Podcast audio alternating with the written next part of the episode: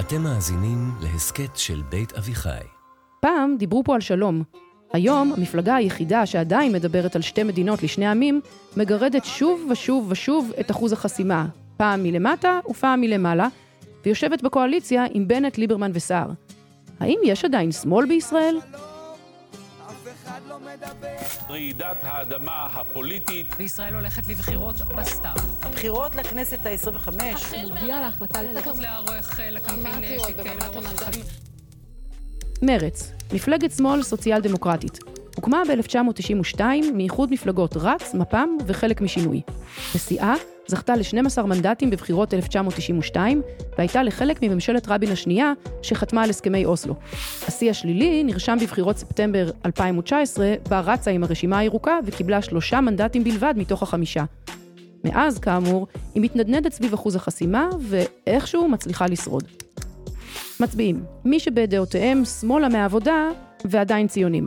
המסה הגדולה מגיעה מתל אביב רבתי ומערי מרכז מבוססות, כמו גבעתיים, הרצליה ורמת השרון. עוד מצביעים מגיעים מהקיבוצים ומהחברה הערבית. לאורך השנים רשימות מרץ לכנסת נקבעו על ידי ועדה פנימית, אבל בעקבות שינוי בחוקת המפלגה, הרשימה האחרונה נבחרה בפריימריז. בעד? זכויות אדם. נגד? המשך השליטה הישראלית בשטחים. מרץ חוזרת. אני חוזרת. מנהיגה, זהבה גלאון, בת 66, נולדה בווילנה ועלתה לארץ בגיל 4. פעילה בולטת למען זכויות אדם ונגד סחר בנשים, וממייסדות ארגון בצלם. גלאון היא פרלמנטרית ותיקה שעמדה בראש מרץ מ-2012 ועד שפרשה ב-2018. בקיץ האחרון נקראה לחזור ולהציל את המפלגה מאבדון, וזכתה לרוב סוחף בפריימריז. מרץ היא מפלגת שמאל קלאסית.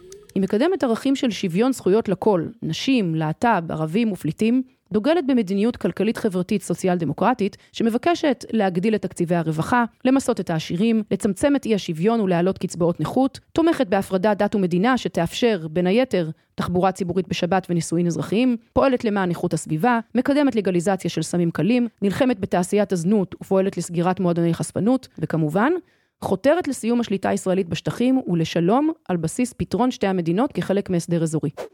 שלום, אייל. זהבה, יש לנו רק אה, בעיה קטנה, אנחנו לא ממש אה, שומעים אותך כל כך טוב. כן, זה בגלל הכיבוש.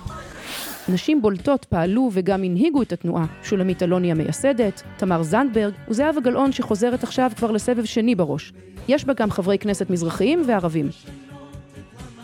למרץ יצא מוניטין של המפלגה הכי חברתית בכנסת. זה ניכר בחקיקה שהיא הובילה לאורך השנים, ובהצבעות חברי וחברות הכנסת שלה בנושאים החברתיים. בין החוקים הרבים שמרץ הובילה, בולטים חוק הדיור הציבורי, חוק נגישות לבעלי מוגבלויות, חוק איסור טיפולי המרה, הבטחת הכנסה לשוהות במקלט לנשים מוכות, ועוד. אבל למרות שמרץ מנהלת מאבק עבור הקבוצות המוחלשות ביותר בחברה, רק אחוז אחד מהמצביעים שלה מגיע מעיירות הפיתוח ומהפריפריה. למה? אולי בגלל שבנוסף לצד החברתי שלה, יש למרץ עוד צד, הצד הפוליטי. למשל, הצד שהגיש הצעת חוק לסימון מוצרי ההתנחלויות. אנחנו נמשיך להחרים את מוצרי ההתנחלויות. בפוליטיקה הישראלית, שתמיד מקדשת קודם כל את הנושא המדיני-ביטחוני, תושבי הפריפריה שמזוהים עם האג'נדה הימנית מתקשים להצביע למפלגה שמבקשת לפנות התנחלויות ולהחזיר שטחים, מגנה על זכויות העצירים הפלסטינים וקוראת להחרים מוצרים ומוסדות אקדמיים מעבר לקו הירוק. מרץ גם לא מזוהה עם אורח החיים היהודי המסורתי שמאפיין רוב מכריע בקרב המזרחים, בוודאי מהפריפריה, וגם המאבקים שלה בכפייה הדתית מתפרשים, בצדק או שלא בצדק, כאנטי חרדים, וכבוז לכל מה שקדוש לעם ישראל. שזה מעניין, לאור העובדה שחברת הכנסת החרדית הראשונה, צביה גרינפלד, כיהנה דווקא מטעם מרץ. אבל אולי סיבה מכרעת לא פחות היא הדימוי של מרץ. מפלגה לבנה של מצביעים פריבילגיים מערי מרכז מבוססות שנמצאות באשכולות 8 ו-9 במדד החברתי-כלכלי. נראה כי לא חשוב כמה תילחם מרץ למען שוויון, זכויות עובדים וחלוקת תקציבים הוגנת, השבט בסוף אומר את דברו. האמת, מרץ נחשבה לאורך השנים מפלגת נישה. תמיד מאגפת משמאל, אפילו את ממשלת רבין, שבה כאמור הייתה בשיא כוחה עם 12 מנדטים. אבל אחרי האכזבה מהסכמי אוסלו, גלי האוטובוסים המתפוצצים, האינתיפאדה השנייה והנרטיב המרכזי שטבע אהוד ברק, אין לנו פרטנר בצד השני. המפה הפוליטית בישראל הלכה והשתנתה, ומרץ הלכה ואיבדה מכוחה. לכן, כמעט שנגזר על מרץ להיות מפלגת אופוזיציה, וכך היא באמת הייתה רוב השנים. משנת 2000 עד שנת 2021, מרץ ישבה באופוזיציה, ומשם היא נלחמה נגד עוולות והשמיע את קולה הייחודי והבלתי מתפשר, שתמיד נשאר גם במיעוט. מה הדין שאתה מציע לנו פה? מה, ש... מה שאני מציע לך, זהבה, זה להכיר במציאות. אם תכירי במציאות, תוכלי להתמודד איתה. המציאות היא שיש לנו הנהגה רוצה חסרת אחריות. לשנות את המזרח התיכון זה? אבל מה שמתאים לאופוזיציה, לא תמיד עובר בקואליציה. אחרי בחירות 2021, מרצ הצטרפה לקואליציה מורכבת מבחינתה. הייתה שם גם מפלגת העבודה שמוגדרת יותר כשמאל מרכז, וגם מפלגה ערבית שמרנית שבלשון המעטה, בטח לא חולקת עם מרצ את הערכים הליברליים שלה. מרצ הייתה מפלגת השמאל המוצהרת היחידה בקואליציה. איך היא הגיעה לממשלה הזאת? היא למדה להתפשר. הממשלה הזאת היא ממשלה מורכבת, זה נכון, אבל היא הממשלה הנכונה לחברה הישראלית בעת הזו. מבחינת מרצ, הסיטואציה הייתה טרגית. תבחרו, ביבי או בנט.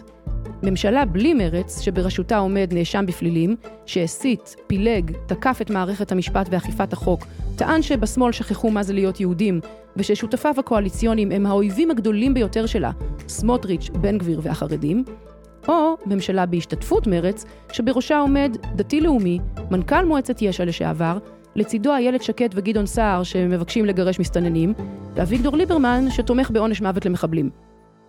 במרץ חשבו שהגרוע מכל הוא המשך שלטונו של נתניהו. הם הצטרפו לקואליציה ועשו הכל כדי שהיא לא תתפרק. או במילים אחרות, שמו בצד את כל הערכים עליהם מבוססת התנועה.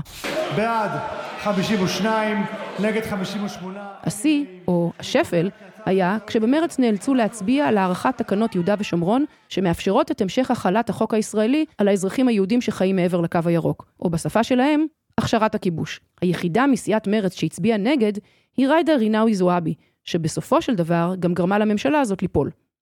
האם מרץ התגלתה כתבוסתנית או כפרגמטית? האם נטשה את הדרך, או שלא הייתה לה ברירה אחרת? את זה יחליטו המצביעים. בכל השנים האחרונות מרץ נלחמת על חייה, מדשדשת סביב אחוז החסימה של ארבעת המנדטים. עד כדי כך שמרץ הפכה להיות מזוהה עם מה שנקרא קמפיין גוואלד.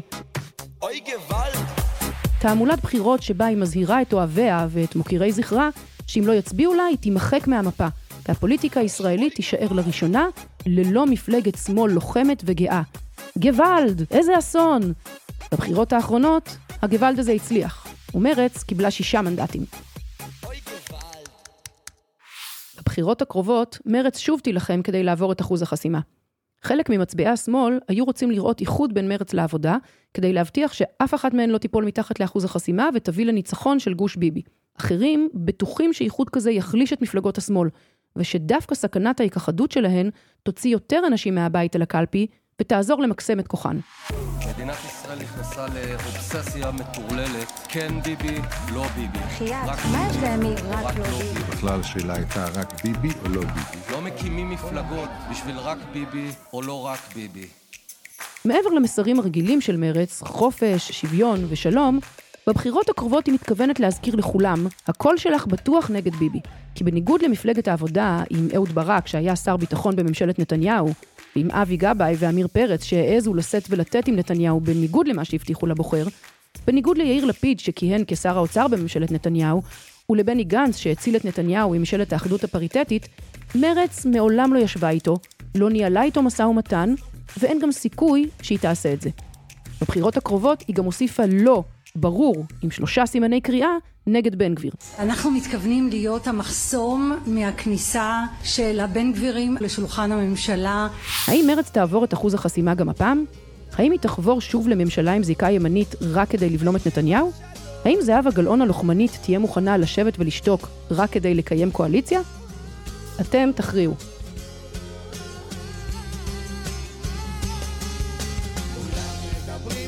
אני אפרת שפירא רוזנברג, תודה רבה לאמיר פבלוביץ' על התסריט ולניר לייסט על הפסקול. תודה רבה גם לשלומית גולדין הלוי, לשי זמיר, לאריה גולדין ולאייל לויט, חברי המערכת וההפקה המסורים. רוצים ורוצות להתעמק עוד? האזינו להסכתים קצה הקרחון ומפלגת המחשבות, על הרעיונות שמאחורי הפוליטיקה הישראלית. עכשיו, באתר בית אביחי ובפלטפורמות ההסכתים המובילות.